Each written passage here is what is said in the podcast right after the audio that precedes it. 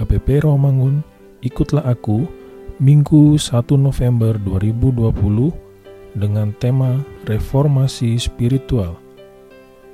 Bacaan hari ini diambil dari kitab 2 Raja-Raja 23 ayat 1 sampai dengan 14. Pembaharuan yang dilakukan Yosia. Sesudah itu raja menyuruh orang mengumpulkan semua tua-tua Yehuda dan Yerusalem. Kemudian pergilah raja ke rumah Tuhan dan bersama-sama dia semua orang Yehuda dan semua penduduk Yerusalem, para imam, para nabi, dan seluruh orang awam dari yang kecil sampai yang besar.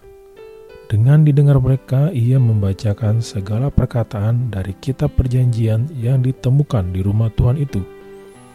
Sesudah itu berdirilah raja dekat tiang, dan diadakannya lah perjanjian di hadapan Tuhan untuk hidup dengan mengikuti Tuhan dan tetap menuruti perintah-perintahnya, peraturan-peraturannya, dan ketetapan-ketetapannya dengan segenap hati dan dengan segenap jiwa, dan untuk menepati perkataan perjanjian yang tertulis dalam kitab itu. Dan seluruh rakyat turut mendukung perjanjian itu. Raja memberi perintah kepada imam besar Hilkiah dan kepada para imam tingkat dua dan kepada para penjaga pintu untuk mengeluarkan dari bait Tuhan segala perkakas yang telah dibuat untuk Baal dan Asyera dan untuk segala tentara langit. Lalu dibakarnyalah semuanya itu di luar kota Yerusalem di padang-padang Kidron dan diangkutnyalah abunya ke Betel ia memberhentikan para imam dewa asing yang telah diangkat oleh raja-raja Yehuda untuk membakar korban di bukit pengorbanan di kota-kota Yehuda dan di sekitar Yerusalem, juga orang-orang yang membakar korban untuk Baal, untuk dewa matahari, untuk dewa bulan, untuk rasi-rasi bintang, dan untuk segenap tentara langit. Dibawanyalah tiang-tiang berhala dari rumah Tuhan keluar kota Yerusalem ke sungai Kidron, lalu dibakarnya di situ dan ditumbuknya halus-halus menjadi abu. Kemudian dicampakkannya lah abunya ke atas kuburan rakyat jelata.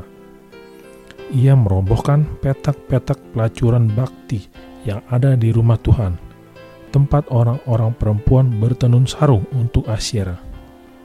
Disuruhnyalah datang semua imam dari kota-kota Yehuda Lalu ia menajiskan bukit-bukit pengorbanan, tempat para imam itu membakar korban dari Gebas sampai Bersheba.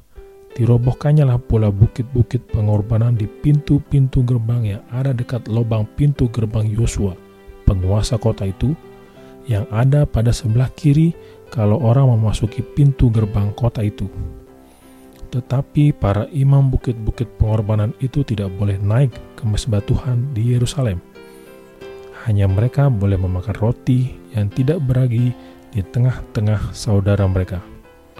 Ia menajiskan juga Tofet yang ada di lembah Ben Hinom, supaya jangan orang mempersembahkan anak-anaknya menjadi korban dalam api untuk dewa Molok.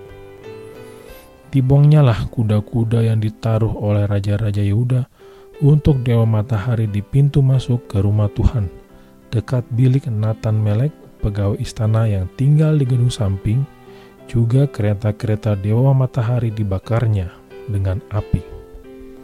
Mesbah-mesbah yang ada di atas soto, tempat peranginan Ahas yang dibuat oleh raja-raja Yehuda, dan mesbah-mesbah yang dibuat Manasye di kedua pelataran rumah Tuhan dirobohkan oleh raja dan dirumukan di sana, lalu dicampakkannya abunya ke sungai Kidron.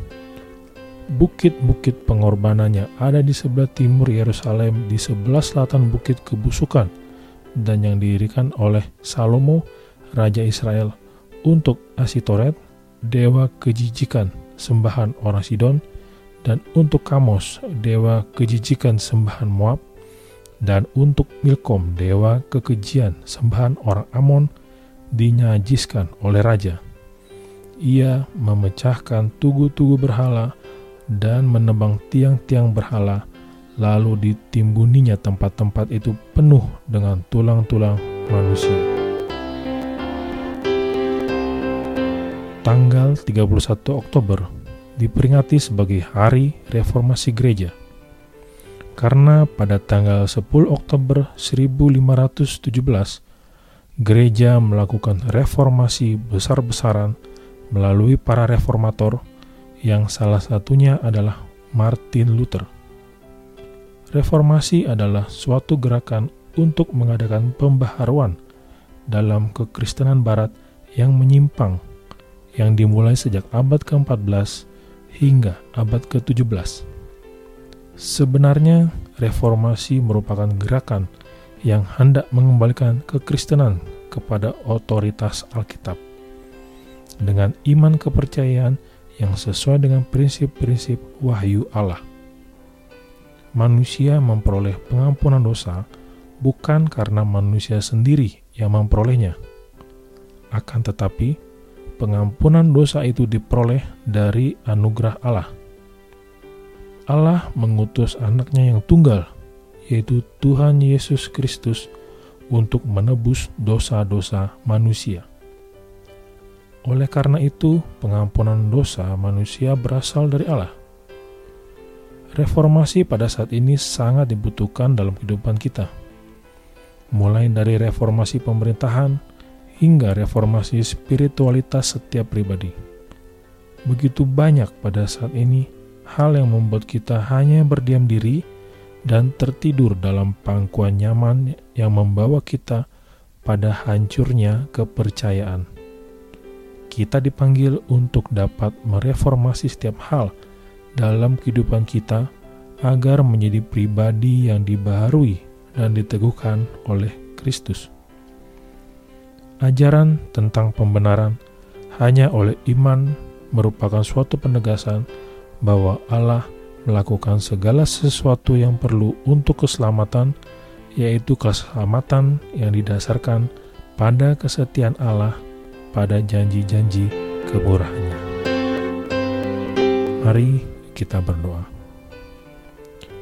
Ya Allah, baharuilah hati kami dengan roh kudusmu, agar kami dapat semakin mendekat kepadamu. Amin. thank you